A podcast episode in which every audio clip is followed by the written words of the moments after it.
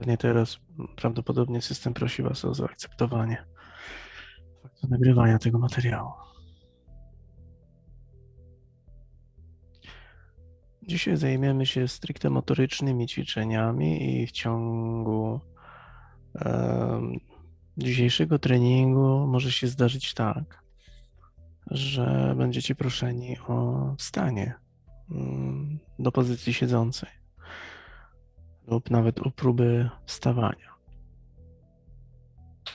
Jednakże największą tajemnicą i frajdą tej zabawy będzie to, że nikt z Was nie będzie musiał tego robić. Może będzie chciał lub zażyczy sobie aktywnie wstać i przetestować te ćwiczenia w ruchu yy, dosłownym, albo poczuje tak intensywny relaks, że prawdopodobnie pozostanie le- na leżąco i wszystkie te operacje wykona jedynie we własnym mózgu. Zdarzyć się również może, że ten ruch odbędzie się kompletnie w nieświadomości, ponieważ zbetonujecie, czyli zaśniecie. A z dziką radością korzystam z terminu betonować, bo na sali jest autorka tego terminu. Dzisiaj z nami.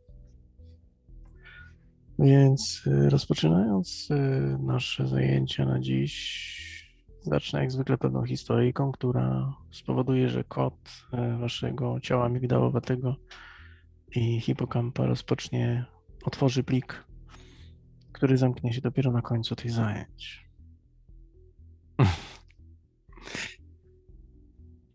Był sobie pewien aktor, który grał w musicalu. Ten, ten musical był znany i bardzo sławny. Jego akcja dzieje się w Europie Wschodniej. No natomiast ten musical nagrany został w języku angielskim i opowiadał o dziejach społeczności żydowskiej na Ukrainie. Nazywał się to ten musical Skrzypek na dachu. Praktycznie wszyscy znają słynną pieśń, główną partię Tewiego Mleczarza Gdybym był bogaty. Aktor, który miał grać Tewiego, był potwornie zestresowany i przed rozpoczęciem mm, próby generalnej praktycznie z pełną symulacją publiczności, ponieważ również zawołano część obsługi oraz ochotników, żeby przetestowali y, próbę generalną z publicznością, wypełniając przynajmniej jakąś część ławek i loży. Aktor ten y, w pewnym momencie dosłownie wpadł na dziki pomysł, ponieważ był kompletnie bez pomysłu, jak mógł czuć się człowiek taki jak Tewie mleczarz. Jak ubogi mm, właściciel jednej krowy, który marzył o tym, żeby być bogatym, żeby zapewnić bezpieczeństwo wszystkim swojej rodzinie i wreszcie przestać tak harować codziennie. Ale dokładnie w tym samym momencie, kiedy śpiewał piosenkę o tym, co by było, gdyby był bogatym, ten aktor uświadomił sobie, że kompletnie nie wie, jak to jest poczuć się kimś takim. I w pewnym momencie pozwolił sobie na to. Przez parę chwil przeniósł się do postaci człowieka, który żyje praktycznie z dnia na dzień i zupełnie bez żadnych perspektyw na zmianę swojej sytuacji, który odkąd się urodził, aż do swojej śmierci widzi tylko tych, którzy rodzą się w świetnych warunkach i mogą to co najwyżej roztrwonić. Ale rzadko kiedy widać kogoś, kto nie ma nic, a potem nagle nie wiadomo skąd zaczyna w swoim życiu otrzymywać jakieś środki, zaczyna żyć, zaczyna rozwijać się, zaczyna na tym bazować i tworzyć. Poczuł tę samą dezorientację co Tewie, ten sam rodzaj pustki w głowie, ten sam rodzaj ślepej nadziei z jednoczesną sarkastyczną, ironiczną, ciepłą rezygnacją. Związane z tym, że on prawdopodobnie nigdy nie będzie w stanie otrzymać od życia tego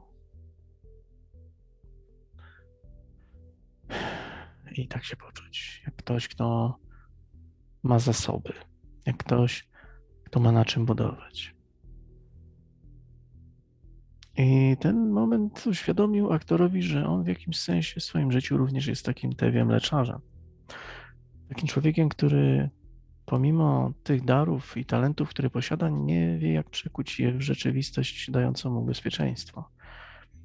Nie wie, jak oprzeć swoje działania, nie wie, jak oprzeć y, swoje zasoby, albo raczej jak je zlokalizować. Jego talent, jego bezsprzeczny talent nie wydawał mu się niczym stabilnym.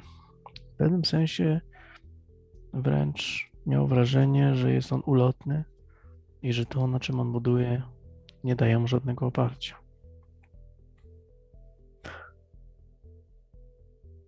Zrozumiał ten aktor, że jest bardzo silnie postacią, którą gra. I wtedy zaśpiewał partię Tewiego z tak głębokim zaangażowaniem, że nawet nie zauważył, jak wszyscy na sali oniemieli. Jak każdy z obsługi, reżyser, scenarzysta, a nawet właściciel teatru oniemieli. Wmurowani w krzesła słuchali go w natchnieniu, nie mając pojęcia nawet, co powodowało jego autentycznością. I dokładnie w tym samym momencie, niesiony falą natchnienia, ekspresji, aktor wszedł na drabinę symbolizującą dach, na którym ten symboliczny skrzypek odgrywa melodię życia. I kiedy śpiewał ostatnią nutę, powinęła mu się noga i spadł z drabiny.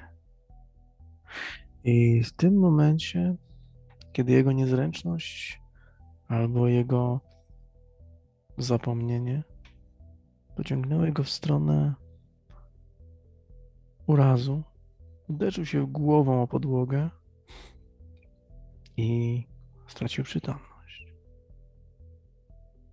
I dokładnie w tym samym momencie, kiedy stracił przytomność, aktor nagle poczuł, że unosi się nad całą salą i całą tę salę teatralną wypełnia. Przez chwilę stał się reżyserem i spojrzał jego oczami na swoją grę. I zobaczył to, co widzi reżyser, kiedy i on, aktor, daje z siebie wszystko. Wszedł w oczy scenarzysty i zobaczył, co widzi scenarzysta, kiedy on, aktor, wymawia słowa, które ten scenarzysta długimi wieczorami spisywał. Wszedł w oczy symulowanej, ale jednak publiczności, patrząc, co czuje widz, który przyszedł po to, żeby zobaczyć siebie.